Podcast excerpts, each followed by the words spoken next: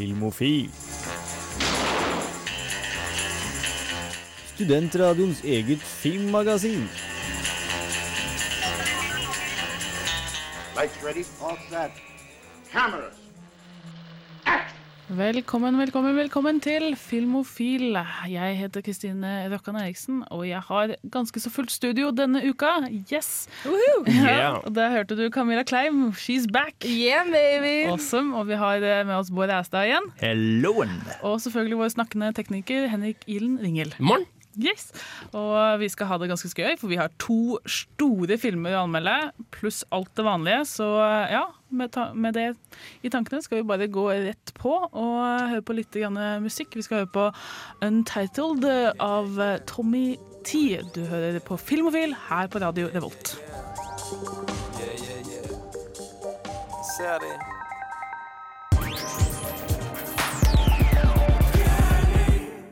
Yes, da hører du fortsatt på Filmofil, og vi skal ha noen nyheter.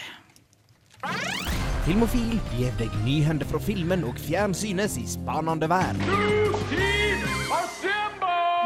Ja, da skal jeg ta en liten LML-e. ja. Vi slenger rett over til eh, Camilla, siden det er så lenge siden vi har hørt fra deg. Hva har Ja. du å dele med oss? Uh, veldig veldig store nyheter for meg som fangirl, i hvert fall. Forhåpentligvis veldig mange andre òg, som er like fangirl-boy som meg. Det pleier jeg å være. Uh, og det er at uh, Nå er jeg veldig dårlig på å uttale her navnet. Chuck Palahniuk, eh, som er en forfatter og skrev Fight Club i 1996, har nå eh, avslørt at den skal komme med en sequel. Oi, Så det er huge news, altså. Det, det er, det er veldig huge. Jeg vet, og det verste er at han har faktisk brytt uh, Fight Clubs first and second rule ved å, ved å avsløre uh, plottet på sin eh, neste novelle. Eh, og det er, altså det her blir jo litt mer filmrelatert, for det er jo ikke avslørt at det kommer til å komme en film med det første. Men jeg regner, jeg regner med at de står i kø for å få filmrettighetene til dette prosjektet. Og det er at um, det er ti år siden, uh, siden Tyler Durden forsvant. Um, eh, og nå eh, og liksom ble drept, da. Når at den da ja, Ja. Nå skal jeg ikke avsløre Oi da, mer. nå er det spoilers. I hvert fall eh, så er det da snakk om at det er han som styrer showet nå. Vi hører historien fra hans point of view. Han ligger og lurker inni Edward Norton sin karakter. Oh, og, og liksom eh, og, og de har fått et veldig kjedelig liv. Da. Det, uh, nå husker jeg ikke hva Edward Norton sin karakter heter, faktisk. Han har ikke et navn. Han blir omtalt som the narrator Ja. i rulleteksten. Stemmer. Stemmer. Og, og han og hun frøkna har nå gifta seg og fått barn og lever et sånn kjedelig suburban life. Og, og det her forandrer seg når at Tyler Durden kidnapper barnet deres. Så uh, det, Det blir, høres veldig rart ut. det høres veldig rart ut, og det her blir superspennende. Så jeg, Men- jeg tror bare vi må bare keep Ja, men det er, så vidt jeg vet, litt forskjell på bok, avslutninga i boka og, og filmen. jeg har, det blir jeg har ikke lest novellen, men jeg skal Nei, garantert lese den mm. før Ja, den nye kommer. Da, så det, Men, eh, ja, det er en blir- novelle. Hvor mange sider er den på det? Nei, og novelle på English. Ja, ok. Eh, Roman, da. Ja.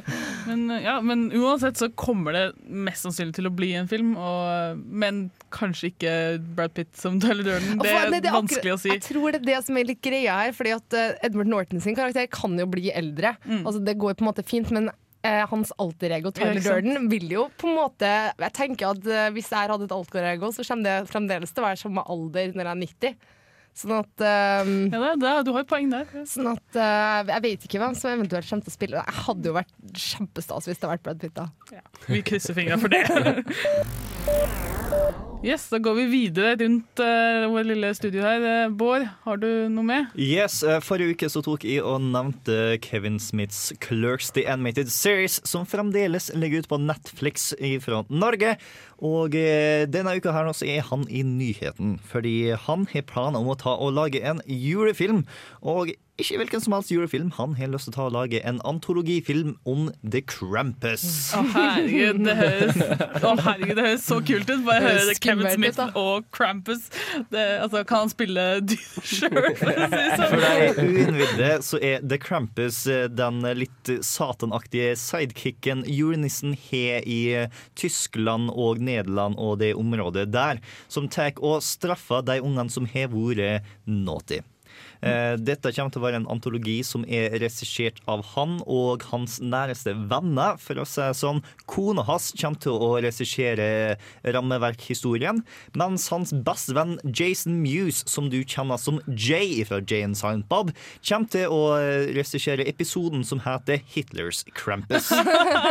Det, høres, ut som en juletradisjon in the making. Rett og slett. Det her gleder jeg meg Eh, skikkelig til. Han har tenkt å begynne å filme etter at han er ferdig å filme Clerks 3, som skal etter planen begynne å filme i starten av april. Skulle kanskje du lage filmer? Skulle ikke Kevin Smith slutte å ha med, ha med filmer å gjøre? Var Tydeligvis. ikke Clerks 3 den siste? ikke tro på sånt. Det, det funker dårlig. Men uh, den juletradisjonen blir jeg helt med på. Ja, Henrik. Det er, Nyheter. det er du som mangler. Nyheter mangler, det er jeg som har ventet. Uh, jeg skal begrense meg til én nyhet, ettersom du liker det sånt. Um, Nato har lagt ned loven for amerikansk film. Uh, eller altså National Association of Theatre Owners. Uh, de har ansvar for 31 000 skjermer, altså kinoteatret kinoteatre, i kinoteaterskjermer i Amerika og 78 land.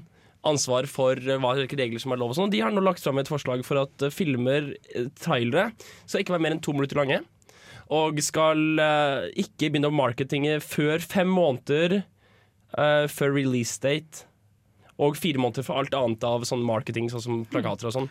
Og så de, så de, de prøver å hindre at du får en sånn full liten sånn Wikipedia-entry for plottet til filmen. Ja. I, uh, Det er i, uh, egentlig bra, altså. Ja. Jeg syns det. det er fordi, altså, en ting er at man føler at man blir spoilet hvis man ser på IMDb-traileren. Eller det er ikke IMDb-traileren, men hvis man ser på traileren fra et eller annet sted på internett, så blir filmen ofte litt spoila. Det er ofte jeg som bare har nød alt det fire bare for, ah, svarte, den er ikke Ja, Sånn når det er actionfilmer, for Ja. har sett hele plottet. Men når du da sitter i kinosalen, er det vanskelig å unngå? Jeg dunker jeg i bordet av, av, av entusiasme. Det er vanskelig å unngå, ikke sant? Så Ja, men har det, Kommer det til å ha noe effekt? Altså, for min del så er det litt sånn jeg er superglad i trailere. Jeg kan godt sitte og se trailere i fire timer, og da har jeg kanskje sett plottet på ikke, 600 filmer. Ja, sånn, I hvert fall 40 filmer som jeg rukker å komme gjennom. Og det er, jeg er veldig glad i det, men jeg vet sjøl at det ødelegger filmopplevelsen min. Ja, det er noe med det. det. gjør det. Jeg motsatte delen i eh, sær trailer fram til det tidspunktet hvor jeg, filmen har overbevist meg om at jeg skal se den. Mm. Og da stopp. Nei, jeg trenger ikke se resten av traileren, for Det var et å godt tips. Men Det er skal jeg begynne å gjøre. skal vi si, kan, vi, kan vi ha det som sånn sånn pro-tip fra Filmofil at, uh, at gimmicken til filmen, altså setupen til filmen, det er de første 20 sekundene. Mm. Og så bare stopp, stopp og si etter det. Ja, ja det er, Det er ikke tips. alltid, men det er Det ikke er alltid ikke alltid tilfellet. Tilfelle, men la oss bare, la oss bare når si det. La oss du bare si innser det. at du skal se den, så slutt. Ja, men Det- først er det bare, ofte så er det veldig artsy i begynnelsen, og så er liksom Så skal de komme, bam, bam, bam, bam, bam. Ja. Nei, vi prøver. Vi tar den slå av når du veit at du skal se. Ja. Yes, og Det får være nok nyheter for denne gang. Vi skal tilbake med masse anmeldelser av eh, storfilmene denne uka. Men først skal vi ha litt eh, mer musikk. Vi skal høre på Far min av Kayan med Varan.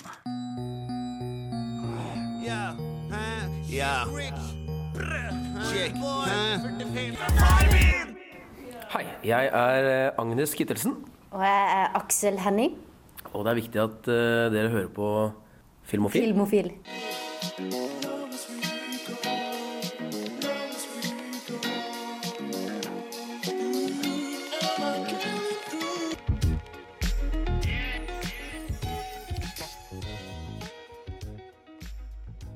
Ja, der hørte du 'Thug Till It's Over' av Freddie Gibbs. Og eh, nå skal jeg eh, Nei, nå skal vi eh, snakke om 'The Wolf of Wall Street'. Men aller først skal vi høre på min anmeldelse av den filmen, så da kjører vi på med en gang. My name is Jordan Belfort. The year I turned 26, I made $49 million, which really pissed me off because it was three shy of a million a week. Martin Scorseses nye film 'The Wolf of Wall Street' har allerede fått én Golden Globe, en haug av andre premier og hele fire Oscar-nominasjoner. Forventningene da jeg satte meg ned i salen, var skyhøye. Jordan Belfour er en ekte person, og hans liv hadde allerede inspirert filmen 'Boiler Room' fra 2000 før Martin Scorsese tok affære. I The Wolf of Wall Street er det Leonardo DiCaprio som spiller Jordan, og vi følger livet hans før han starter som aksjemegler hos storselskapet Rothschild i 1987. Da selskapet går konkurs under finanskrisen Black Monday, begynner Jordan å selge såkalte penny stocks, som han vet kommer til å feile, til uvitende investorer. Nobody knows if the stock is going to go up, down, sideways, or in circles. You know what a fugazi is? No, Fugazi. It's a fake. Yeah, fugazi, fugazi. It's a wazi, it's a woozy, it's a fairy dust. Dette er en Martin Scorsese-film, og da blir det stort, uansett sjanger. The Wolf of Wall Street er utrolig flashy og velkonstruert. Det er som en av Jordan Belfords skreddersydde dresser. Og som hos vår protagonist skal det ikke stå på penger. Det hele er en tre timers lang fest. Og vi må nok ta noe av det som skjer med en klype salt i forhold til sånn som det skjedde i virkeligheten, men det bryr vi oss ikke om når vi har det så gøy. Legal. Absolutely not. We were making more money than we knew what to do with. We don't work for you, man. Yeah, my money taped to your boobs. Technically, you do work for me. Jordan Belfort blir sammenlignet med Gordon Gekko i filmen, og på mange måter er han en yngre, neddopet og ikke fullt så smart Gordon Gekko. Han er mer opptatt av å tjene penger kjapt enn å bygge opp et business empire. Her er det ikke så mye 'greed is good' som 'money will make you good'. Alt kan kjøpes, og det er den amerikanske drømmen. De kommer til å feste til noen drar fra dem drinken. Leonardo DiCaprio er som alltid fantastisk, og nå har han lang erfaring med å spille rike drittsekker. Han har allerede fått en Golden Globe for rollen, så nå må Oscar-statuetten være innen rekkevidde. Jeg krysser i hvert fall fingrene. De andre i filmen gjør alle en glimrende jobb. Spesielt Jonah Hill, som har blitt en seriøs skuespiller nærmest over natten. Matthew McConaughey er kjempegøy å se på, og han har en altfor kort rolle for en så lang film. Det eneste som kan dra ned opplevelsen litt, er lengden. Men så lenge du vet hva du går til, er ikke dette et stort problem. The Wolf of Wall Street er ikke noen moralsk advarsel eller dypt innblikk i psyken til en grådig drittsekk, men heller en øvelse i hvor lenge kroppen til Jordan Belfour holder ut. Hans fall er uunngåelig, men det gjør ikke reisen mindre morsomt i dette tilfellet. Terningkast fem.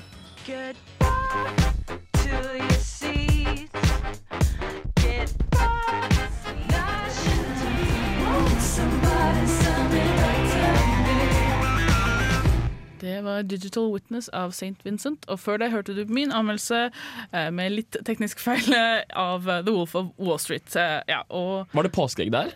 Ja, det var teknisk sett påskeegg i at eh, all, all musikken i bakgrunnen jeg snakka, det, var, eh, det var fra andre filmer som Martin Scorsese har laget. To stykker, for å være helt presis. Uh, så hvis noen gjetter det, så post på Facebook, og så får dere jeg vet ikke, pluss i boka. Eller noe sånt. Uh, men Camilla, du hadde også sett Wolf of Wall Street. Ja, det har jeg, og jeg Du er også Altså, det som er at jeg tror at som, Jeg tror de fleste som ser filmen her, blir frelst, da, og at det blir en sånn magisk opplevelse for dem. Eh, men jeg tror at I hvert fall for meg, jeg, jeg digga den filmen her så helt in, insane. Jeg har sett den to ganger, alt, liksom, og jeg skal dra og se den på kino også. Så. Ja, jeg er enig, den er fantastisk, men jeg er kanskje ikke, kanskje ikke så entusiastisk Nei. som deg. Men absolutt må ses Ja. på kino. Ja, ja, definitivt. Det var liksom eh, Nei, det var som jeg sa her i stad, at eh, jeg har ikke vært så excited for en film siden jeg så Django Unchained. Uh, Kosa meg helt drøyt. Den er også en lang film, men jeg tenkte ikke over lengden på den, og det gjorde jeg heller ikke på den her. Nei. Og um, Er det, altså vi prata sist uke om Oscarer og sånt. Camilla, tenker du, at, eh, tenker du at dette er en Oscar for Leonardo DiCaprio? Eller? Altså, det som er at jeg er, tviler veldig sterkt på at det kommer til å vinne Best Picture. Uh, på samme måte som Django. mm. Jeg kryssa fingrene for den òg, men jeg visste jo at det ikke kom til å skje. Uh, men det er kanskje ikke Leo sin beste rolle noen Nei, gang. det er det ikke. ikke. Men jeg tror at For det er en ekstremt god rolle. Nå har jeg ikke sett alle de andre filmene eh, hvor at eh, lead actress, nei, actor har vært eh, Oscar-nominert, sånn at jeg vet ikke helt hva han har å konkurrere men mot. vi vet jo også at Oscarene er jo bare politikk. Liksom. Ja, så han, det. er hans sin tur nå. Jeg Og nå med må det. det være hans sin tur. men det, det, det det jeg sier, altså. Fordi han, har, altså- han har så ekstremt mange Oscar-verdige Nettopp. filmer at det her det må bli hans tur, rett og slett. Ja, da, da er det femmer fra deg òg, rett og slett. Ja, Eller det, det, nesten det, sekser. er, det er en fem, tre, Borderline. seks, altså. Ja. Det er Wow. nice. Så for guds skyld, dra og se The Wolf of Wall Street. Men det Løp og se. Men Løp se. det er mye drugs. Eh, jeg ville ikke anbefalt den filmen her til mora mi. For at jeg tror, nei, men altså, rett og slett bare for at Hun hadde ikke satt pris på den. Jeg, vet ikke. Nei, men folk må jo være opplagt at det, her, er- det heter liksom The Wolf of Wall Street. Det er liksom Wall Street ganger drugs. Og så er sånn. det, er det så sykt umoralsk Ja, og sykt lite-. Du, Det er du bare- heier på folk som er slemme og gjør slemme ting, og det er ikke noe moral. Den blir ikke noe bedre. Men vi hadde det gøy, Ja, så vi se den. Vi skal ha litt mer musikk før vi tar for oss neste film på listen, 'Twelve Years a Slave', og da er det 'Possessed' av The Eagles.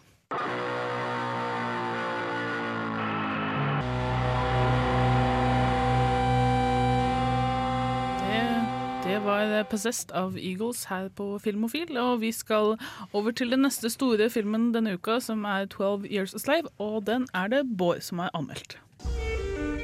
Solomon Northup is an expert player on the violin. I was born a free man, lived with my family in New York. Be good for your mother. Until the day I was deceived, To Solomon. kidnapped, sold into slavery.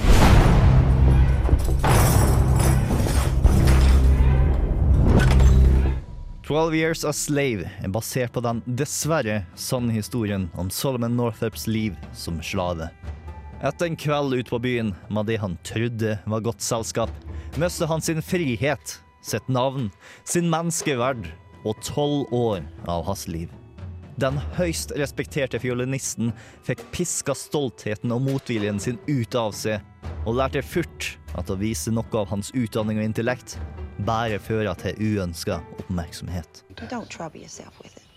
Same as the rest. Master brought you here to work, that's all. Any more, I'll earn you a hundred lashes.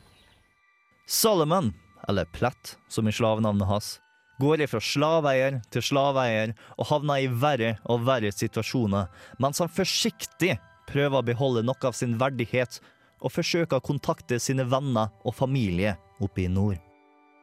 Men systematiseringa av slaveriet i samfunnet til de sørlige statene gjør det svært vanskelig for han. Damn you, I thought you knowed something. I did as instructed. If there's something wrong, it's wrong with the instruction. Og det er nettopp dette filmen handler om, fra den ene enden til den andre. Om umenneskeligheten som gjennomsyrer hver eneste person som omgis av slaveriet, uansett hvilken ende av pisken de er på. Ondskapen til slaveriet er så innebygd i samfunnet at alle er marskyldige i det.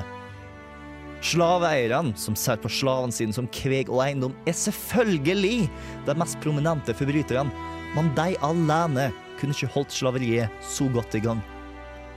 Du har altså medslavene som holder seg aktivt apatisk til all lidelsen til sine likemenn, bare så de kan spares for slavdriverens vrede denne ene gangen. De sorte som er heldige nok til å unnslippe slaveriet, snur ryggen sin tvert og vender aldri tilbake. Og sjøl de hvite menneskene som viser sympati for slavene, er fremdeles feiginger som prioriterer sin egen komfort over andres liv. Master Ford is a decent man. He is a slaver. Under the circumstances. Under the circumstances, he's a slaver. But you truckle at his boot. No. You luxuriate in his favor. I survive. I will not fall into despair. I will offer up my talents to Master Ford. I will keep myself hardy till freedom is opportune. Og filmen gjør en fremdragende jobb med å sette publikum side ved side med Solomon, og dele hans frustrasjon og maktesløshet over de tragiske situasjonene han går igjennom. Regissør Steve McQueen er aldri redd for å kjære poenget hjem med å gjøre sine seere ukomfortable. Flere ganger hviler kameraet lenge på høyst ubehagelige scener for å hamre inn det som en gang var den forjævlige virkeligheten til flere tusen mennesker. I stink so much I make myself gag. Five hundred pounds of cotton, day in, day out. More than any man here. And for that I will be clean. That's all I ask. Med sitt intense fokus og komplette nekt på sjølsensur tror jeg dette kommer til å være den definitive filmen for temaet, og kommer til å bli vist i skolen i mange år fremover. Den nådeløse regien, kombinert med et koldtbord av fantastiske skuespillere som gjør det de gjør best, fører til en film som føles stor og viktig. Jeg tror det vil komme en dag da dette er en film det er forventa at du har sett. og med den høye kvaliteten, så finnes det ikke en grunn i verden til å vente med å gjøre det. Karakter fem.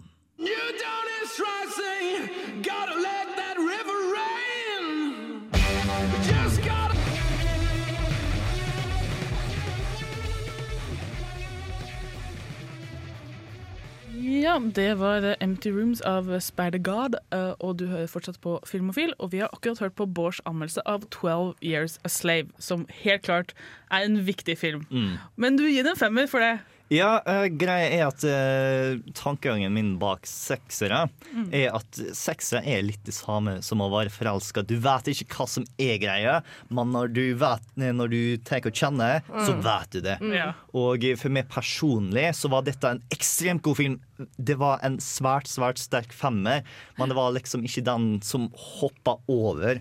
Så Skjønner. dessverre så er nok denne her fanga i the fem zone. Men du ga den en karakter fem, ikke en terningkast fem. det var, det, var, det, var det for seriøst, eller hva? Det er mer jeg som er arbeidsskada av å ta og kunne annet for kontroll alt det litt. Ja, men det, hadde vært en kul som, Hvis det hadde vært intensjonelt, så hadde det vært kult. For det er liksom Det er ikke noe terningtull, det er ikke yatzy vi driver med her. Liksom. Nei, men eh, ter en terning eller karakter fem eh, er jo fremdeles veldig bra. Og som Mm. sagt, du sier er sånn Du sier at det her kommer til å være den filmen folk må se. Ja. Og før den filmen her så vil jeg kanskje si at det var Amistad som var slavefilmen man burde ha sett. Mm. Eh, Så du tenker at det her er, kom, på en måte eklipser Amistad totalt? Jeg har ikke sett Amistad, så okay. jeg skal ikke si det for sikkert. Men den tok og gjennomførte eh, sitt syn på slaveri så enormt. Det var Du så det overalt. Hver eneste scene i filmen handla om hvordan slaveri en gang i tida var. Ja, men Det er absolutt viktig å, å få en, en film som bruker moderne virkemidler da, og, og Mm. teknologi til å virkelig bringe oss tilbake. Yeah. Det som også er sett den, jeg også, og jeg syns at den var kjempefin. Eh, men jeg tenkte ikke over det helt på denne måten før eh, jeg nå hørte din anmeldelse vår. Og det var liksom det at det her er den filmen som definerer det, og det er den filmen som skolebarn kommer til å se for å skjønne hva det gikk ut på. Og jeg er veldig enig i det, for at det viser alle aspekter rundt dette med slaveri. Altså blant annet da dette at det var et faktum at det var loven, på en måte. Som om at det var mennesker som ønska å gjøre gode ting, i hermetegn her, eh, men ikke kun gjøre det fordi at det var mot loven. Tror du, altså, Slaveri eksisterer jo ennå i dag rundt Mm. om i verden. Tror du, det, tror du den har noe å si for, for oss hvordan vi tenker på slaveri i dag? Ja, eh, hvis du har lyst til å ta og se en film som får deg til å tenke på hvordan slaveri er i dag, så vil jeg anbefale en film som heter Eden, som er en indiefilm som kom ut for et par år siden, som minner meg veldig masse om denne filmen her nå. Det er også okay. basert på en sann historie om ei hva, 16 år gammel jente som blir kidnappa og tvunget inn i eh, horing og trafficking og slaveri og alt sånt som det er nå. Ja. Eh, det i Amerika. Ok. Og den var også veldig Du følte deg fremdeles maktesløs Ja. og frustrert over hele situasjonen. Ja, for det er jo interessant fordi altså jeg, ærlig talt innom det nærmeste jeg har kommet sånn mennesketrafikkering og sånn, er Taken. Men, men, eh, men det er jo interessant å ha et moderne syn på det som foregår nå. Fordi at sånn slaveri i, i 12 Years Slave-formen virker utdatert. Det er lett å distansere seg til det. Det er vanskelig å forstå at det er noe i nærheten av det som eksisterer nå.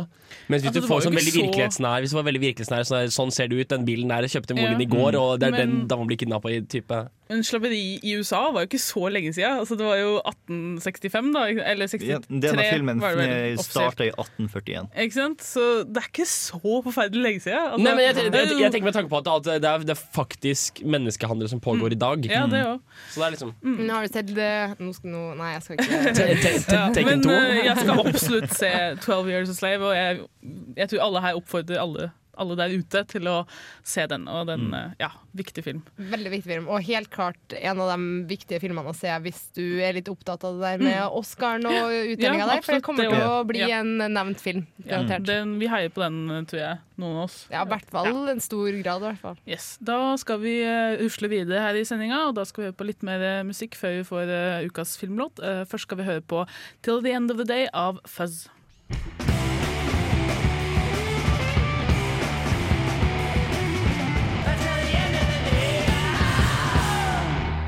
Play it once, Sam.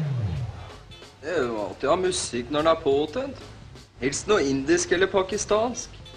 Ukas filmlåt.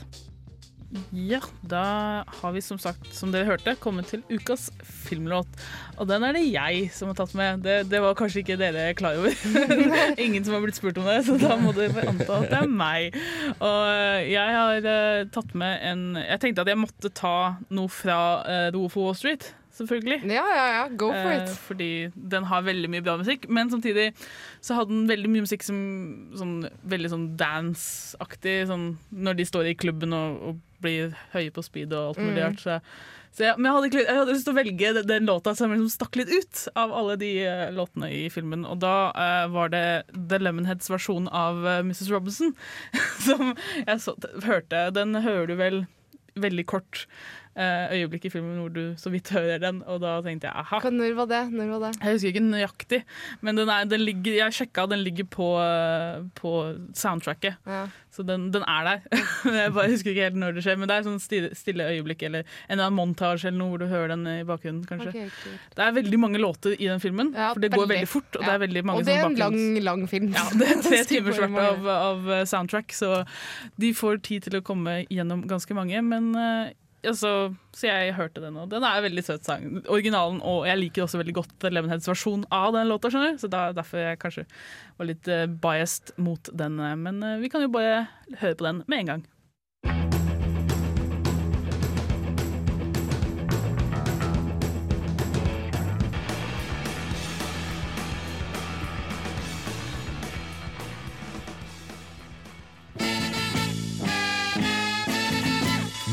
Videohylla. Rykende ferske digitalfilmer som du kan ha i din heim. Ja, da er, da er vi klare for videonytt denne uka, og det er ikke så veldig mye å ta her. Altså. Det, er, det er slim pickings. Uh, det er to filmer som vi kan snakke om etter hvert, men uh, også er det ja, Don John er kanskje den største, største filmen som kom ut denne uka, men den har Har du sett den? Nei, det er det Jeg ingen har av oss sett den, Har og jeg, altså, jeg og Henrik så den på den store kinodagen, og jeg i hvert fall synes at den er fantastisk. Ja, men det var det jeg har hørt, ja, og den ser Mm. veldig, veldig bra ut. Ja, nei, Den er absolutt verdt å se, for eh, Joseph Gordon-Lewis er både en veldig god skuespiller og en overraskende god regissør. Det Så er- det handler, jeg vet ikke engang hva det handler om. jeg, Så du må, kan du ta en kjapp sånn eh, plot point?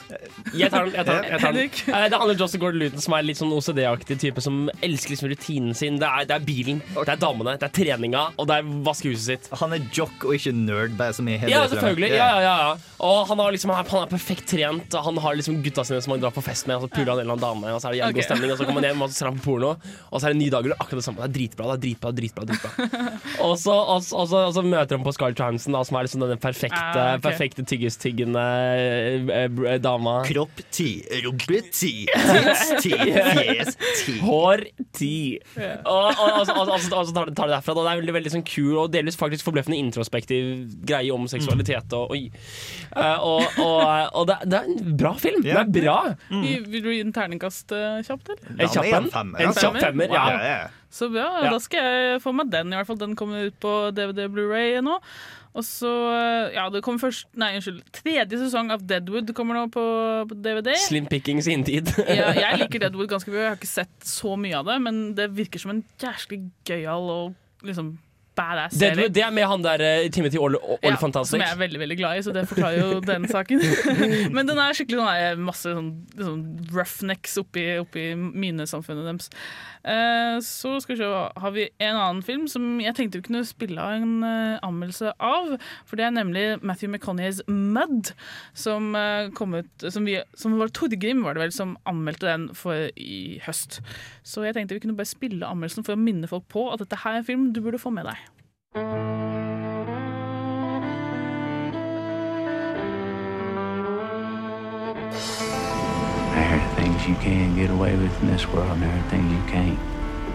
er alltid spennende å gå til en film uten å vite noe som helst på forhånd, og uten særlige forventninger. Spesielt når filmen har en så intetsigende tittel som Mud. Men når man forventer lite, blir den positive overraskelsen enda større enn vanlig når disse filmene faktisk leverer. Og det gjør Jeff Nichols' nyeste film i aller høyeste grad. You never said your name. Mud. You can call me Mud. 14-åringen Ellis er på oppdagelsesferd med kameraten Neckbone. De er på vei til en øde øy for å finne en forlatt båt som er skylt i land i et tre etter en stor flom. Når de kommer fram, oppdager de at båten allerede er bebodd av den mystiske omstreiferen Mudd.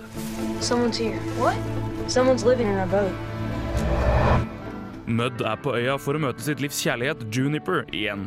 Og han gjør en avtale med guttene at hvis de hjelper han, skal de få båten som betaling. Det hele virker harmløst nok, inntil guttene finner ut at Mudd er ettersøkt av politiet og har en haug med dusørjegere jagende etter seg. Ma'am, have you seen this man? No, sir. Son, have you? What do you do? Selv om det er Mudds historie og planer som styrer filmen, fortelles historien fra Ellis sitt ståsted. Det setter oss i samme situasjon som Ellis, og vi følger hans avgjørelser, moralske dilemmaer og årsaker til å hjelpe denne ukjente rømlingen. Hvem er egentlig denne Mudd, og kan vi stole på han? Like.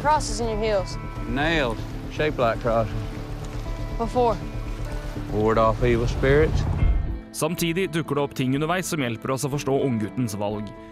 Familien er i oppløsning. Moren vil skilles og flytte fra husbåten der Ellis har vokst opp. I tillegg starter Ellis en noe komplisert flørt med den litt eldre jenta May Pearl. Måten Nichols løser dette på er meget bra, og jeg merker jeg må ta stilling til en del ting selv. Svarene dyttes ikke ned i halsen på meg med en overtydelig teskje. Dette høres kanskje ut som en kjærlighetsfilm, men selv om kjærlighet er et sentralt tema, er dette langt ifra noen klassisk chick flick. Alt i alt sitter man igjen med følelsen av at dette er en nokså mørk film. Den dystre atmosfæren av Arkansas utkantstrøk rammes inn av alvorlig og dyster, men meget vakker musikk. Settingen rundt gir filmen en litt urolig stemning, noe som passer bra sammen med usikkerheten Ellis og publikum har til hele situasjonen.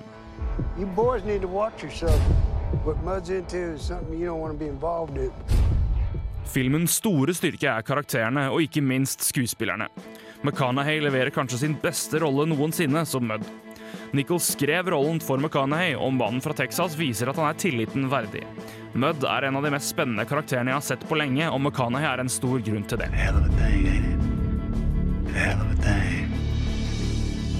Samtidig er Ty Sheridan et veldig positivt bekjentskap som Ellis. Unggutten har en vanskelig karakter, men gjør en strålende jobb gjennom hele filmen. Jeg tipper vi vil se mye av Sheridan i årene fremover. Den eneste som skuffer her, er Reece Witherspoon, som ikke helt klarer å bringe liv til sin karakter Juniper, selv om det skal sies at hun omtales mer enn hun deltar i selve filmen. Så for å oppsummere. Mudd er som et moderne, smådystert Mark Twain-drama i utkantstrøkene Arkansas langs Mississippi-elvens bredder. Og som den mektige elven bugner handlingen seg gjennom forskjellige hindringer i et trygt og rolig tempo fram mot målet. Kanskje litt vel rolig til tider, men allikevel har Mudd såpass stor dybde at den klarer å holde på interessen gjennom hele filmen. Dette er en film som bør dukke opp når det skal nomineres til Oscar i januar, spesielt når det gjelder mannlige skuespillere. Terningkast fem. Ja, der hørte vi Torgrims eh, anmeldelse av Mud eh, med Matthew McConney, som jeg ikke har fått med meg. Det er jeg litt sånn flau over. Det burde jeg fått med meg, for den eh, Jeg husker ikke om han vant noe Oscar, men han var nominert for, og fikk en haug med andre filmfestivalpriser. Så det er absolutt en film man burde få med seg. Det ble ikke nominert til Oscar i hele tatt. Ah, ja, var den ikke det? Så kjipt. Ja, men eh, Så da ble ikke det ønsket oppfylt. eh, Sorry, Torgrim. men eh, vi skal, vi skal Men ta den var veldig, veldig bra, da. Ja, ok. Så go, Den- go see it. Ja, go buy it. absolutt. Go buy it på DVD, Blu-ray. Eh, vi skal ta en siste anmeldelse av en annen film som kommer på DVD Blu-ray denne uka. Det er filmen 'Hanna Arendt', som handler om den, eh, den eh, filosofen som kom på 'The Banality of Evil', som jeg anmeldte i høst også. Så jeg syns den er såpass viktig at vi burde få en påminnelse hvorfor den burde ses. Hanna Arendt var en av de viktigste tenkerne i det 20. århundre. Husker du ikke navnet hennes fra skolebenken, så kanskje du har hørt frasen 'the banality of evil', som hun myntet i rapporten hennes fra Adolf Eichmanns rettssak i Jerusalem. SS-offiseren Adolf Eichmann flyktet til Argentina etter krigen, men ble oppdaget og brakt til Israel, der han ble dømt og henrettet i 1962. Filmen 'Hanna Arendt' følger de fire årene fra hun drar til Jerusalem for å følge rettssaken, til etter hun har publisert verket 'Iceman in Jerusalem A Report on the Banality of Evil' og kontroversen som fulgte. Flere av hennes venner vendte ryggen fordi de tolket boken som et forsvar av Eichmann. Hast du die Zeitung noch nicht gelesen? Seite für Seite. Die wollen ihn in Jerusalem vor Gericht stellen. Isn't it incredible that the Hannah Arendt is offering to report for us? She should be begging to write for The New Yorker. Selv om filmen åpner med kidnappingen av Eichmann og vever inn arkivmateriale fra rettssaken, fokuserer den helt på Arendt sin filosofiske reise inn i ondskapens natur og folks reaksjoner til artiklene som ble publisert i The New Yorker. Det er en gjennomført personlig historie, der forholdet til mannen står sterkt, og vennekretsen sine intellektuelle samtaler guider oss gjennom Arendt sin tankegang og konklusjoner. Filmen gir relativt lite kontekst, men den er svært lett å følge, og til tross for sitt tunge materiale er den verken pretensiøs eller overbærende. Den er faktisk mer jordnær og stimulerende. Når det gjelder saken i seg selv og boken til Arendt, legger filmen seg helt på hennes side. Det er tross alt hennes historie. Den viser ingen kritikk av boken på hennes eget nivå. De som er uenige, er underlegne og angriper henne ad hominem. Som publikum blir vi sittende som hennes fremadlente studenter, ivrige etter å notere og være enige. Den gjennomsnittlige kinogåer må kanskje ta en tur på Wikipedia i ettertid for å se litt nyanser i saken. Eichmann kein Antisemit? Was ist denn das für ein Humbug? Du hast ihn doch selber gehört, er hat nur dem Gesetz gehorcht. Hannah, bitte, du kannst das so nicht schreiben, nicht für den New Yorker. There were recognized Jewish leaders, and this leadership cooperated with the Nazis. They'll have our heads for this. Samtalene i denne filmen er uhyre fascinerende. Spørsmålet om Israels rett til å stille Eichmann for retten diskuteres med stor og smittende energi. Samtidig smetter det inn flashbacks av hennes affære med filosofen Martin Heidegger, noe som gjør at filmen blir for lang og innholdsrik. Her mangler det en prequel der vi kan bli kjent med hennes filosofiske utvikling. Pga. dette blir filmen til tider retningsløs. Når vi endelig kommer til hennes siste store tale, er mye tilgitt, heldigvis, men igjen mangler noe form for svar. The greatest evil in the world is the evil committed by nobodies. Did you really have no idea there would be such a furious reaction? Trying to understand is not the same as forgiveness. Diesmal bist du zu weit gegangen. It is this phenomenon that I have called the banality of evil. Hanna Arendt er en film som får deg til å ønske du kunne vært student på denne tiden. Samtidig som den viser hvor utrolig vanskelig de overlevende hadde det med å konfrontere fortiden. Og den nye generasjonen som prøvde å forstå hva foreldrene satt inne med. Ternekast fire.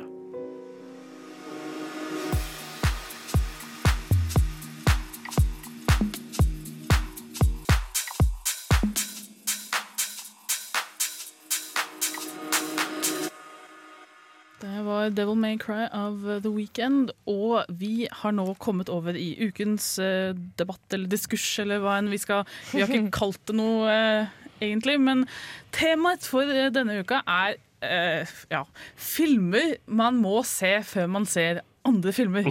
Det- det- For å nyte deg optimalt. Ja, for å nyte dem optimalt. Og for å forstå. Ja, ikke sant. Ja, for full forståelse så fins det visse filmer som ikke kan ses uten å ha på en måte en slags basis. Da. Definitivt. Ja, og øh, jeg har, jeg har tatt fram et par eksempler så for å liksom starte. Den første er kanskje opplagt, øh, men ganske viktig, er at du kan ikke se i hvert fall den første Scary Movie-filmen uten å ha sett i hvert fall den første Skrik-filmen, Mm. for å virkelig forstå hva den parodierer, hvorfor den parodierer det, og, og liksom bare alle de små spøkene. Ikke sant? Mm. Dette her er ganske opplagt, men uh, Men jeg tror det er ganske mange som har sett Scary Movie uten å ha sett Ja, det er nettopp det. Men det er jo interessant, for jeg syns Scary Movie 1 er en forholdsvis bra humoristisk film. Og da er det masse sånne små detaljer, og de plukker du ikke opp på hvis du ikke Ja, og det samme med andre parodifilmer. Sånn, du kan ikke se ja, eh, 'Jaget vekk' uten, med Leslie Nielsen uten å se 'Jaget' med Harrison Ford. Det blir litt feil. du, ja, og mange sånne Ja, og, og, og hotshots. Ja, altså, vi, ok, dødsvis.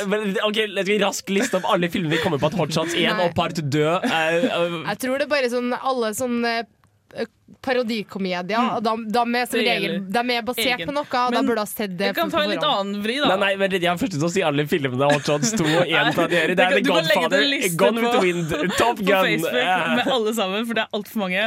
Men du kan ta en litt annen vri, da. For eksempel, eh, du må, du må Jeg syns du burde se før du ser eksempel en film som Død snø, som er en veldig moderne, eh, morsom zombiefilm, så burde du ha litt sånn basis i sånn tradisjonelle Night of the Living Dead, kanskje litt Army of Darkness, kanskje litt altså, til, og med en 28 Days Later, for å ta den seriøse først, da, Mm. før du ser en Mm. eh, komiversjon av en Mm. sånn sjanger. Og det, det gjelder vel også Zombieland, da. Mm, absolutt. Det er jo ekstremt mange uh, filmer som har kjente scener som er basert på andre filmer sine kjente Ja. scener. Sånn at du kan godt på en måte forstå det og sette pris på det uh, uten å ha sett det originale. Men det er som for eksempel øh, The Untouchables. Mm. Så kan du Untouchables, altså ikke Intouchables. så uh, er det en fordel kanskje å ha sett øh, trappesekvensen fra panserkrysseren Potemkin, mm. uh, før, du, før du eventuelt ser den trappescenen der, da. Du har også de scenene som eh, du ikke har noen kontekst for, og blir ikonisk i seg sjøl. Eh, tilbake da Snurr Spratt dukka opp for første gang, og han begynte å knaspe gulrøtter, så var det faktisk en popkulturell referanse til en annen veldig kjent film på den tidspunktet. Men i dag så er det ingen som forstår det, og folk tror at kaniner er veldig glad i gulrøtter pga. den popkulturelle referansen. Og kaniner er ikke spesielt glad i gulrøtter, faktisk. Ja, det blir kanskje vel detaljert. Hvis vi skulle gjort det med alle filmer, så ville det tatt lang tid før vi fikk sett en film som vi faktisk ville se. Det var mer poenget for å vise hva som skjer når du Ja. ikke har den riktige Ja, det er et veldig viktig poeng. Eh, alle sånne remakes av filmer er det jo Ja. Hvis du sier at du liker en amerikansk versjon av en film, og så finner du ut at det er egentlig en original japansk film, eller sånt, så er det alltid veldig du, f- du får veldig mye av å se den originale filmen. Da. Jeg, jeg tenker også en par Quentin Tarantino-filmer. Er det veldig kult, Ja. og, veldig kult å vise Absolutt. alle, alle tingene som handler Western ja. før du ser Django og sånne ting. Man kjenner, veldig, man kjenner veldig igjen de påvirkningene, Mm. og musikken og transisjonene. og alt sånt er Mye veldig sånn- Samurai før Kill Bill. Ja, ja, akkurat. Og så er det jo også noe som er litt artig med akkurat uh, Quentin Tarantino-filmene. og Det er jo at på et visst punkt så tar han og leder til en av de andre filmene. Altid. det er alltid noe som eh, en referanse i filmen eh, Til den til, neste. en, til en neste. Eller fra Det er som sånn at- Pixar har. Ja, det, det er gøy. En eh, film du burde ta og se dersom du har sett Star Wars, er eh, Kurosawa sin eh, Ja. Hidden Fortress. Mm, yeah. som, hvor du da ser på nytt, hvis du har sett den før, og ser C3PO og R2D2 yeah. gå gjennom som to japanske bønder som absolutt hater hverandre. Han er likevel elsker hverandre. Eh, ja, det er, det er veldig viktig å se sånne sjangertyper. Vi skal uh, sette pause på diskusjonen før vi går videre med den etter litt musikk. Vi skal ta og høre på 'Money' av Naomi Pilgrim.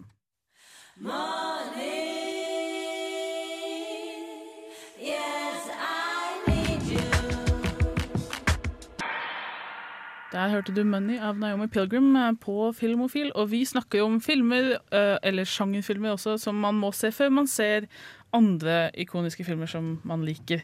For å virkelig forstå og, og appreciate hele filmen. Og det vil jeg spørre om.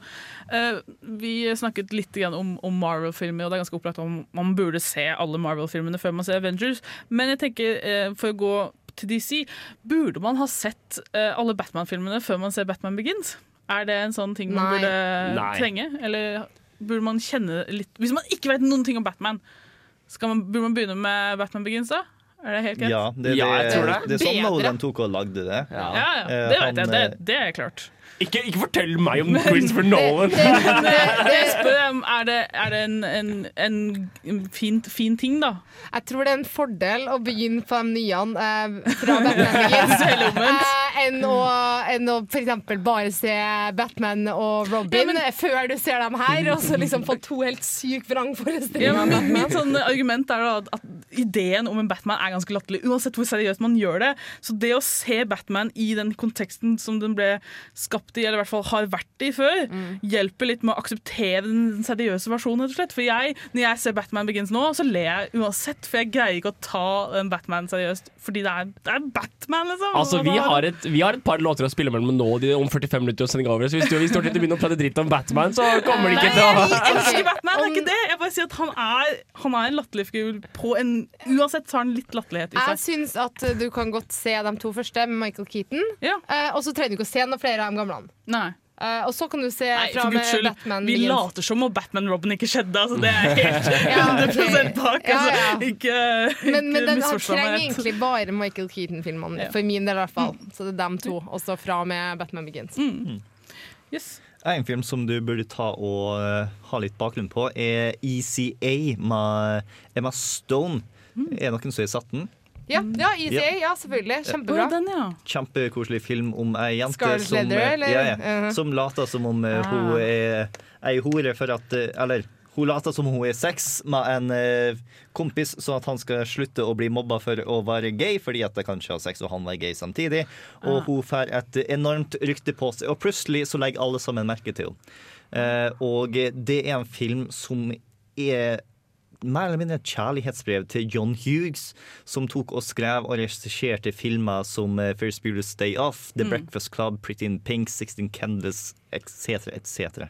Mm. Så uh, han burde sjekke ut uansett om du har lyst til å se ECA eller ikke. ja, definitivt. Men ECA er en veldig veldig god film. Ja, ja, altså, men det absolutt jeg skal, jeg skal se. Og det, og det er absolutt verdt å, når du har sånne, sånne eh, hyllester, å absolutt finne den det er en hyllest til.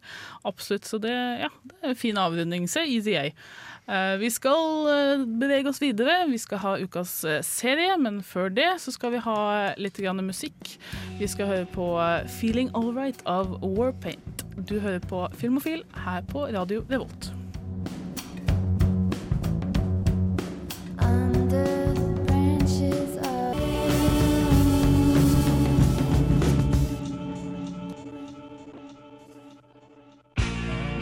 Hei!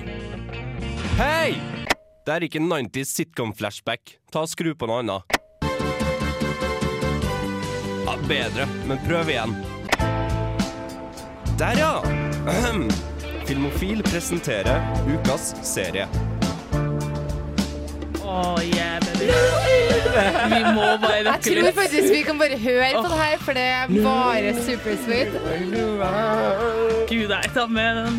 Louie, Louie, Louie, Louie. Louie, Louie, you're gonna die. Da er det ikke noe tvil om hva det er det er snakk om på ukas serie. Oh, yeah. Det er serien som heter noe så enkelt som Louie.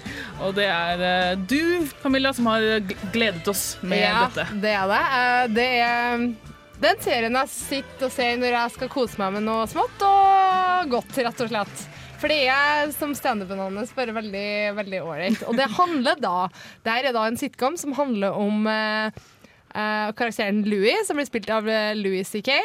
Um, som spiller en slags variant av sitt egen liv. da Litt mer depressiv variant. av ja. Eh, overdrevet versjon av, ja. av livet hans.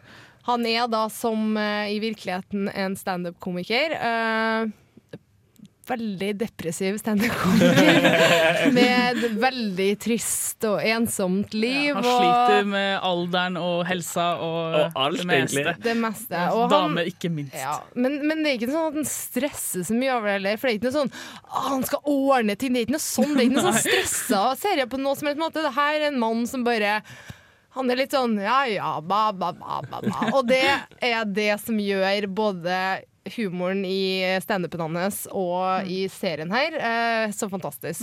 Jeg, jeg, jeg er jo en veldig stor Louis-fan, og jeg tenker at hans standup gjorde en forandring fra det han holdt på med, som var litt sånn observasjonen Jerry Seinfeld møter Chris Mm. Rock-type hu- komedie. Og så ble han stor som en standup i virkeligheten når han begynte å prate om sin familie og sine opplevelser, Ja. og hans hvor fucka han er, og Mm. hvordan han liksom ikke tok vare på kroppen sin når han ble singel igjen, og hvordan alt er fucked. sa det første som kom ut. Akkurat. Og denne serien, i min beskrivelse av den, er han på en måte den familiemannen. på en måte Ja. Så halvparten av uka så driver han med standup Ja. og, og prøver å få seg dame og Ja. diverse har sånne syke Ja, han er erfaringer. kona, må vi si. Ja, ikke sant? Og resten av uka så passer han på ungene. Ja. Og det er sånn familiemannen Louis som er den serien. Ja, og han prøver virkelig å være en god far, og han, han er en god far. Ja, det, det skal ja, ja. ikke stå på i det hele tatt. Men det er bare sånn han feiler litt på alt, egentlig. Og han er, han er litt sånn patetisk. Ja, han er veldig patetisk. Han er definisjonen av patetisk. og, og han eh, eh, Han har noen Jeg synes kanskje de artigste spøkene han har eh, i serien, er dem når at det da handler om på en måte sånn hverdagslige ting. Sånn som når han skal fortelle om den derre um, han skal fortelle om at Ja, nei, dattera mi fortalte meg en, Ja, den, ja. en vits her om dagen, og, og det var en genuint god vits, Ah, liksom. Hvorfor tok jeg ikke med det som Ja, klipp? Jo, jo, men du, den, den vitsen er Why did the, didn't the gorilla get into the theater? Ja. Oh, why? It's just the decision of the people who make that decision. De bare, de bare fant ut at eh, det var ikke noe lurt, liksom. Så ville det, de det, det er en antivits. Ja. Det er. Det er der. herlig. Men jeg har tatt med, har tatt med litt eh, fra, fra serien. Det er, det er en bit av serien hvor han er standuper. Altså han er jo- det er jo klipp fra stand, eller liksom Ja, fra standup det i comedy gåsetegn. ja. eh, showet hans. Og så har han akkurat blitt sånn eh, Det er en kjerring som driver og prater hele tida i Mhm. showet hans, og til Mhm. slutt så blir han irritert og så sier fra nå må du holde kjeft. Så kjør på den. No, you're offensive. I'm offensive? Yes. What do you mean? You're making jokes about rape, and that, that's offensive. You don't like rape? no. You don't? No. That's really weird because you know that you wouldn't even exist if your mom hadn't raped that homeless Chinese guy. Oh my god. However many years ago you're born. No, listen, I'm sorry. I'm really. It's hard to come back from that, but I am sorry. I don't. I didn't. I didn't mean that. Look, can you do me a favor? What? Can you please just die of AIDS? Just, does anybody have AIDS who they could put their dick in her face and get her started on that? Oh my god. Anybody? I could like, I could sue you. What? You can sue me? Yeah. You know who I would like to sue? Everybody that works in the hospital that you were born at. Because I would like to sue them for not responsibly pulling your head off the second. Letting you live was medical malpractice. Herregud, ja, det, her, det var herlig sånn eh, smakebit på hvordan han er på scenen. Og, Men det er det groveste. ja, det er kanskje så grovt som man blir. Ja, så Det er jo ikke sånn Ja. kjemperepresentativt for serien, Nei, men det er bare kanskje morsomt. Det er jeg, bare- morsomt. jeg fant den, det var første klippet jeg fant. Og bare kjør på, tenkte jeg. Men eh, ja. Men jeg, jeg, Det er det, er, det, er, er noe interessant i forhold til serien, fordi han har jo selv på en måte etter hvert selvbudsjettert et par av hans standup specials og eh, kjøpt inn et par Red-kameraer og sånn. Så han produserer jo Han får jo minimalt penger fra eierne Mm. i virkeligheten for å lage serien, og så redigerer han første par sesonger redigerte han jo selv på sin lille Mac. Ja, han og- gjør veldig mye selv, og, ikke sant? Så han redigerer det selv, han tar det opp selv, han eier kameraet, han eier alt ved det. Ja, og nå har han jo nettopp gitt ut uh, filmen han lagde i uh, 1998. Ja. Den kan du nå kjøpe sammen med alle standup-specialene hans som han, han har lagt ut på louisck.com. Og det, jeg tror filmen koster bare fem dollar, så det er dritbillig. Og så, kan du, så laster du den ned, og så har du den på sånn som du vil ha den på din PC. Det er ikke noe sånn streaminggreier. Du, kan- du kan få den eh, for fem dollar. eh, eh, digital versjon. Han har overført den fra sånn gammel eh, format. Men, eh, og det er fullt av gamle komikere der, og folk vi kjenner. Steve Carell, Wanda Sykes, Amy Fowler. Og så har han bare lagd filmen som heter Tomorrow Night. Og den skal visst være helt bisarr. Og jeg gleder meg til å se den. Jeg skal kjøpe den med en gang jeg kommer hjem. For å si det sånn. Det er jo ikke faktisk det, er det, er, har ikke så mye med Louis-serien å gjøre, men det er en veldig kul film, og folk bør definitivt Ja, den og det er første gangen han kan kjøpe Fem dollar, liksom. Det er bare det at han er en, en funny fyr, og at han bør oppleves, på en måte. Og da Definitivt. spesielt gjennom serien eh, Louis. Er. Og, og musikken er fantastisk. Han har en liten jazztrio Ja, som driver og lager musikken i dritnice. bakgrunnen. Ah, så. Ja, så da har vi den eh, Den eh, Ja. Se Louis. Ja, Se Louis. Ja. Ja. Se Louis, Kjøp uh, Tomorrow Night og alle standupene hans på ja, louisck.com. det ligger på Netflix, så det er bare å se det der. Da rusler vi videre i sendinga, og vi skal ta hjemmelekse. Hjemmelekse! Yes. Hjemmelekse! Eh, Men før det så skal vi høre på Hey Joe av Charlotte Gainsbourg. Du hører på Filmofil her på Radio Revolt.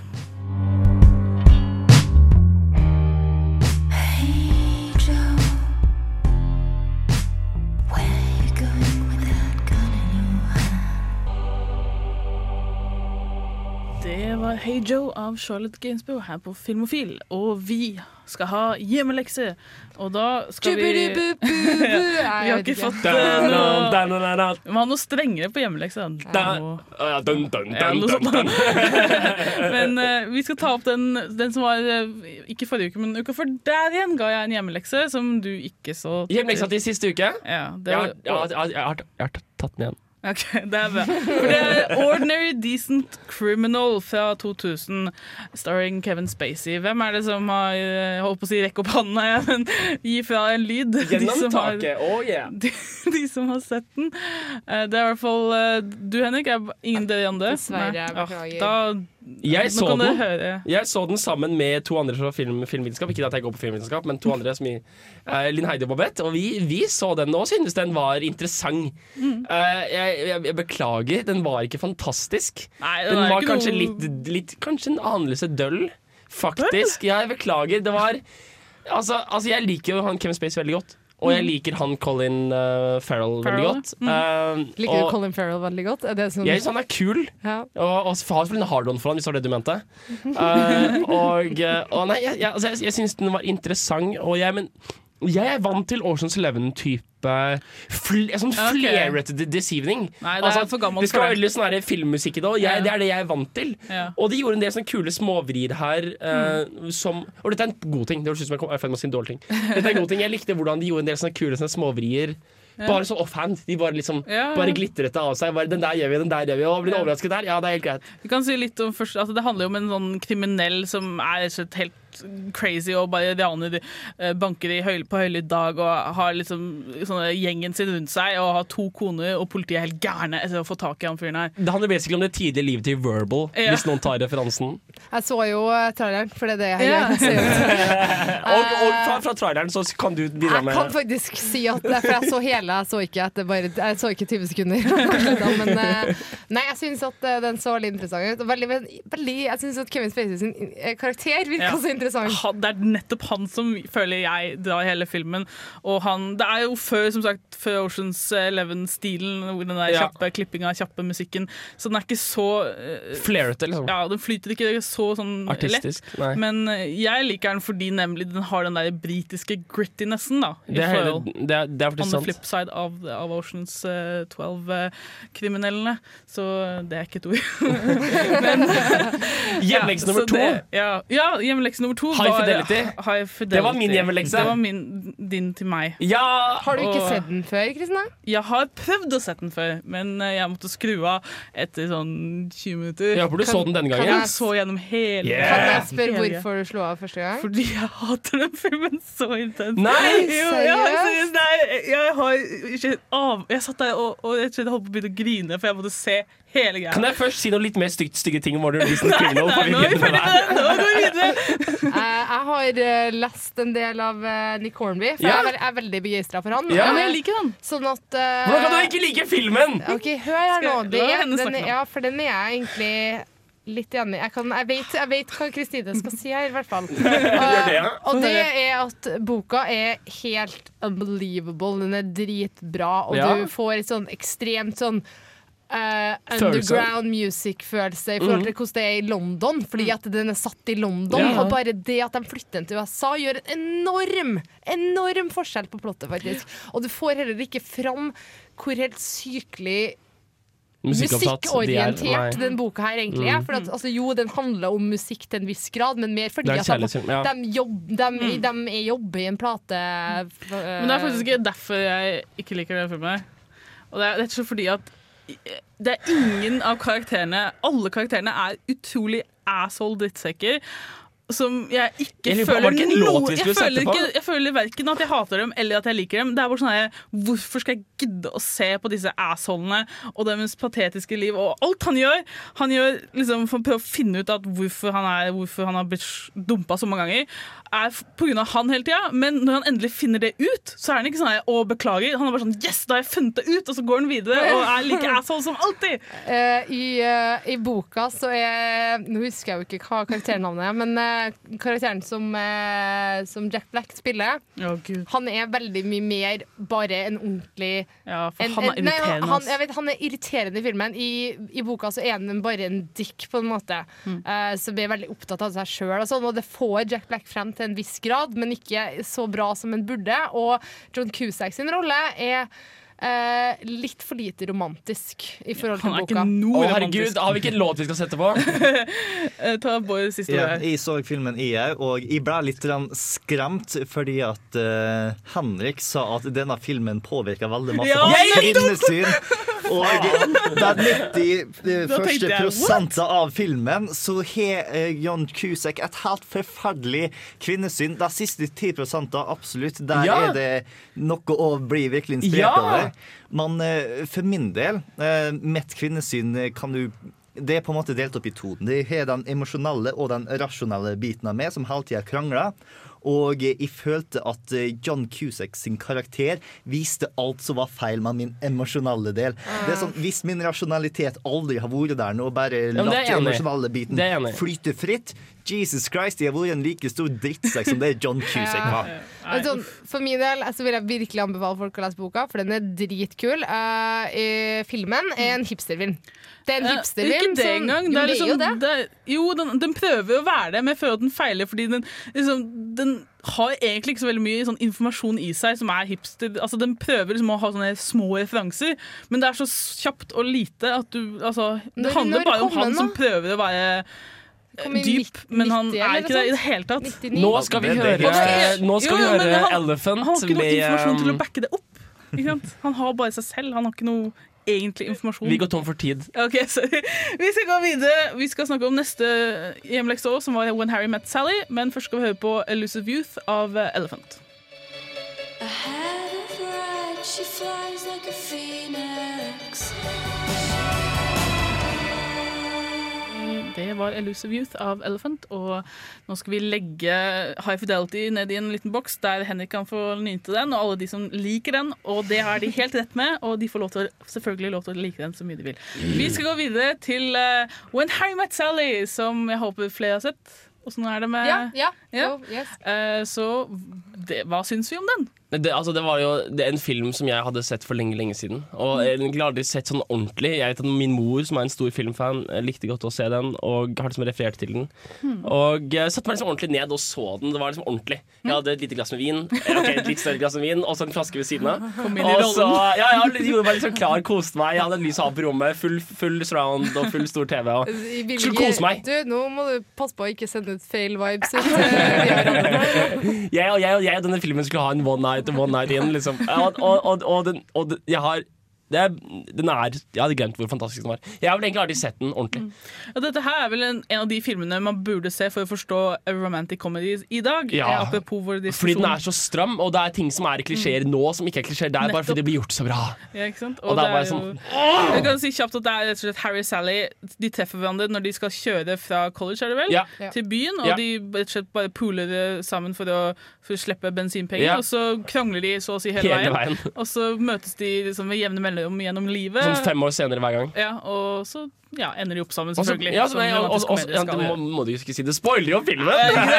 When Harry Met Sally heter filmen. Poenget er at de blir jo venner, og så er det, Ja. så er det veldig, veldig morsomt. Det viktigste med filmen er at eh, filmen starter med spørsmålet Kan menn og kvinner være venner? Ja. Og det er et godt poeng. Ja. Mm. Og ja, hva tar, tar dere vekk en lekse fra liksom, Hva er svaret, kan du spørre, da? Billy Crystal kan spille kjempebra i en film. Det er den eneste filmen jeg har sett han i, hvor jeg liker han. Så, Hei, Monsters Inc. her! Han er, Å ja, men, jeg beklager. I filmer hvor jeg ser ansiktet hans, da. Beklager. Jeg, skjønner ikke hva du snakka om. her. Eh, men ja, nei, det er jo dette sex forandrer alt-issue, da. Ja. Det er jo et issue, liksom. Det ikke kom bort ifra det. Det jeg liker så veldig godt med, med When Harry Met Sally, er at, at du har den dialogen som er så fjernt egentlig fra virkeligheten, da, men samtidig så gøy å høre Mm, på. mm. Og eh, hvis du ser på en annen film som kom samtidig, cirka, det var det Sleepless in Seattle, som er også en sånn type romantisk komedie før romantiske komedier var, var så veldig etablerte. Mm. Den er helt annen sånn tone, og jeg, den liker jeg ikke så godt. Uh, men den her har den derre liksom sassiness, føler jeg. Rundt om den, spesielt den scenen, ikoniske scenen hvor hun uh, faker orgasmen sin i den der, Den har jo parodiert hundrevis av ganger. og det er et eller annet med den når hun, når hun gjør det, så er det så herlig, fordi hun gjør det på en sånn fullstendig sånn I don't give a shit, liksom. Og bare for å bevise poenget. Og hun det har jo, en, ja, hun har jo også vanvittig Hun, har, hun dama har jo en litt av en utvikling gjennom filmen. Hun Ja. begynner jo som en skikkelig som prippen dame, og så blir hun skikkelig sånn der vill. Og der, på samme måte så på, jeg, Er det feil å trekke en sånn bitte liten sånn der eh, Liten sånn New York-filmtype sammenheng? For det er jo litt sånn New York-aktig film. Det, det, Mm. det er jeg helt enig i. Du kan dra masse paralleller til f.eks. Annie Al- Hall og Woody Woody Allen, Allen-filmer. ja. Bare, ja, definitivt. Fordi det er, det er liksom glad i det intellektuelle, og det er mye samtale, og det går Ja, fort. Og det, er, det er deilig. Og det er, og, men altså, mitt, min, det jeg går fra den filmen, er hvor stram den er. Mm. Det, er det er kanskje tre unødvendige sekunder i hele filmen, og det ser jeg ikke nå i dag. Hva, hva sa du nå? En gang det, til. er, er, det er ingen unødvendige scener. Det er ikke noe fyll. Det er ikke noen dialog som bare er for å fylle ut noe. Det er ingen, jeg kjenner ikke et eneste, eneste punkt som er et, bare et subplott. Ja, Jeg I motsetning til Jeg jeg plottpunkt. Jeg tror ja, men Det som er ofte med romcoms, de, de, de prøver på no, et uh, punkt som denne filmen gjør, og det er det å få disse to forskjellige sexene til å krangle og så utvikle en eh, romanse. seg. er Fordi de liksom bonder litt over og kveruler, da, rett og slett. Mm. Og jeg syns ofte at de filmene blir, hvis de er gjort riktig, så blir de gjort veldig mye bedre. Altså er, man tror mer på forholdet mellom dem da, enn de folkene som er forelska for første øyeblikk og Mm. ser hverandre. Og, og de, de bare vet at det er dem to, for det er, det er ikke så believable. Yes, nei, jeg har tatt og sett en rekke filmer i løpet av januar som er av nett Nettopp den eh, typen film som du snakker om nå, Sånn anti- som kritiserer Ja. det Hollywood-romantikk. Jeg har sett eh, eh, When Harry Met Sally, har satt High Fidelity, Don John og 500 Days of Summer har alle sammen Ja, i løpet ja. av eh, januar. Mm. Og alle sammen er fantastiske på at eh, de tar og ser på den romantikken som Hollywood lærer oss å forvente, og blir skuffa over når vi ikke får servert. Mm. Og ta og se på hvor kraftig feil den egentlig er, og heller lære oss hva alternativet burde være. Og, og, og litt, litt, litt, mye tvil som ligger i det, og hvordan det som aldri er helt sort-hvitt. Og det er liksom, Mm. Altså det er, altså det er, Filmen handler liksom ikke om hvordan disse to er i hverandre, og så skjer det ting, som en tog som eksploderer eller noe. Det er om de er forelsket eller ikke som er problemet, Mm. og om det kommer til å funke. Og liksom, Ja, og påpeke at uh, ekte romantikk Ja, ikke er ikke spektakulært, det er hverdagslig, og det krever faktisk Ja. arbeid. Uh, Meg Ryan er jo hovedrollen. Uh, hun spiller Sally i denne filmen. her Og hun spilte jo også i den Sleepless in Seattle som vi snakka om, som kom en fire år senere. Uh, der er det gjort på det veldig romantiske viset som vi snakka om tidligere. At det bare, er be, og det er, liksom, Mm. det er bare Ja, sånn det skal være. Men, men du har også Meg Ryan i en annen film hvor det er krangling og sånn her med Tom Hanks Ja, gangen, vet og det er jo You Got Mail. Uh, og de hater jo hverandre fra første øyeblikk, for de er konkurrenter, men, men det er, det er Men- bare cheesy. Det er Jeg vil bare bare cheesy. si at den originale versjonen av You Got Mail er bedre. Den er mye, mye hyggelig å se på. Hva Bare så er det er den fra? Den er fra den er svart-hvitt. Uh, skal vi se. Så det good old time Eh, eh, Got shit? Mail uh, ah, ja, Den het kanskje ikke You Got Mail, jeg husker ikke hva den het originalen. Men i hvert fall google sikkert originalversjonen av You Got Mail, så Ja. finner du den sikkert. Den er, Så den predata Emil, altså. ja, det er det ikke. Ikke noe AOL uh, You got mail. Nei, det er det ikke. Men den er mye Jeg vet ikke, den føles bare mer genuin. ut. Dette fordi at ingen sånne troper var lagd på den tida. Ah. Så du får ikke den derre Meg Ryan-ness inni oh, filmen. That Meg Ryan-ness, man. oh, Nei. Den, den får mye hat, den der You Got Mail, eh, på, i hvert fall på internett. Men eh, den er ikke så ille, da. Nei, jeg, Men jeg digger den litt òg. Jeg, liksom- jeg ser den ja. kanskje en gang i året. Nei, uff. Vi, uh, skal vi ta det som ukas neste hjemmelekse? Nei, oss, nei, Har du, har du noe annet det, Du burde jo kanskje sette hjemmelekse, da. Ja, jeg burde jo strengt talt gjøre det. Kan vi gjøre det når vi sier ha det bra til folk? Det så kan vi gjøre, vet jeg, for jeg tenkte på deg på en låt nå. Ja, Vi kan eh, gå over til eh, litt musikk før vi takker for oss for denne uka. Vi skal høre på This Is A Game av eh, Nick Waterhouse, og du hører på Filmofil her på Radio Revolt.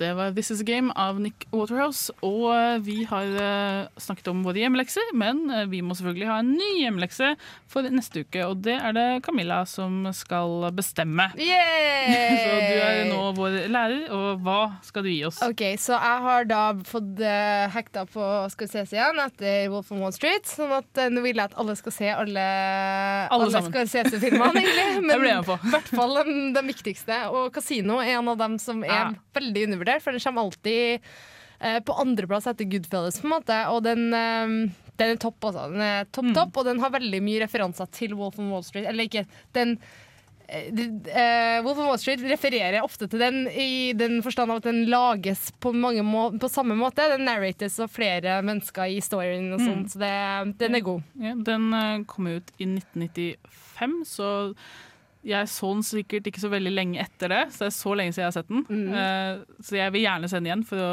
friske opp uh, hva som skjedde. Du, kan- du fortelle plottet det, litt? Grann? det er Robert De Niro, Sharon Stone, Joe Pesci uh, som er den viktigste å nevne her. Joe Pesci og Robert De Niro på samme stil som også i Goodfellas.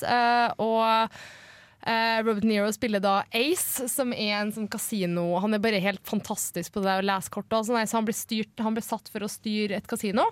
uh, Med sin gode kompanjong uh, spilt av Pesci, som er litt råere og mer brutal. Da. Eh, og eh, eh, italiensk, så han skal liksom uh, ta og gjøres opp til opptak. For, eh, ja, så det, det er veldig gøy. Da, meg til å se akkurat. Nei, dere, dere kommer til å digge den. Yes, og dersom du som er lytter har lyst til å ta og gi dine feedback til filmen og dine opplevelser av den, så kan dere sende film, mail til film at, nei, filmofile ja, Ja. filmofil at radiorevolt.no. Ja. Eller du kan også poste kommentaren under den posten jeg lager på Facebook-sida vår. Mm. Der kan dere også komme med forslag til andre hjemmelekser. Ja. Så kan vi kanskje til og med lese opp hvis noen har noen eh, morsomme meninger neste gang når vi snakker om, om, eh, om kasino. Så det, Henrik, har du sett den, eller? Jeg skal se den. Du skal se den. Hjemmelekse, Det liksom. det Ja, er dere ellers så får du smekka Dere har noe å glede dere til. Og dere har Jeg misunner dere. Fytti grisen. Ja, men Det er et godt poeng, faktisk. Hele hjemmelekesgreia er litt sånn Å, jeg er så misunnelig på at dere får lov til å se denne filmen her for første Ja, det, er, det er alltid sånn man gleder seg over sånne ting. Det er sånn jeg har det i forhold til High Fidelity, så aldri igjen. Men eh, ja, nå er vi kommet såpass langt at vi må si takk for oss. Eh, Vi har hatt en ganske så bra sending. Vi har anmeldt to store filmer. The Wolf of Wall Street og 12 Years a Slave. Begge filmer sterke femmere, Ja, og, og begge to må ses. Ja, og Oscar, Oscar-nominert store Mm. Oscar-contenders. Eh, vi har også hatt en liten filmlåt fra, den, fra Wolf of Wall Street, og vi har snakket om Louis-serien, som ligger på norsk Netflix. og den, eh, og Louis C.K.s materiale ligger alt på eh, louisck.com, så for guds skyld, check that out. Og kom en ny Louis-film i, Ja, i går. Ny Louis-film i, I går. går, ja. Så det, det er masse å ta av. Eh, Så ja. Hva, var det noe mer vi tok opp, da? Nei. Jo, også hjemmeleksa, selvfølgelig. Kasino. Don John er nå ute på DVD yeah, og Blu-ray, det- og du burde ta og kjøpe den. Fordi Også viktig. er Og Mødd. awesome. Og Og viktigst av alt, Ja. vår egne kankeren. Ja! Har bursdag! Gratulerer med dagen! Gratulerer med dagen! Gratulerer, kjære kankeren! Filmofil. Filmofil. Gratulerer dagen! Yes, så da takker vi for oss, og gratulerer til Kankeren. Vi har vært Filmofil. Jeg heter Kristine. Med meg har jeg hatt eh, Camilla. Hello, har det bra. Og Bård. Goodbye. Og selvfølgelig vår snakkende tekniker Henrik. Ciao! Ha det bra.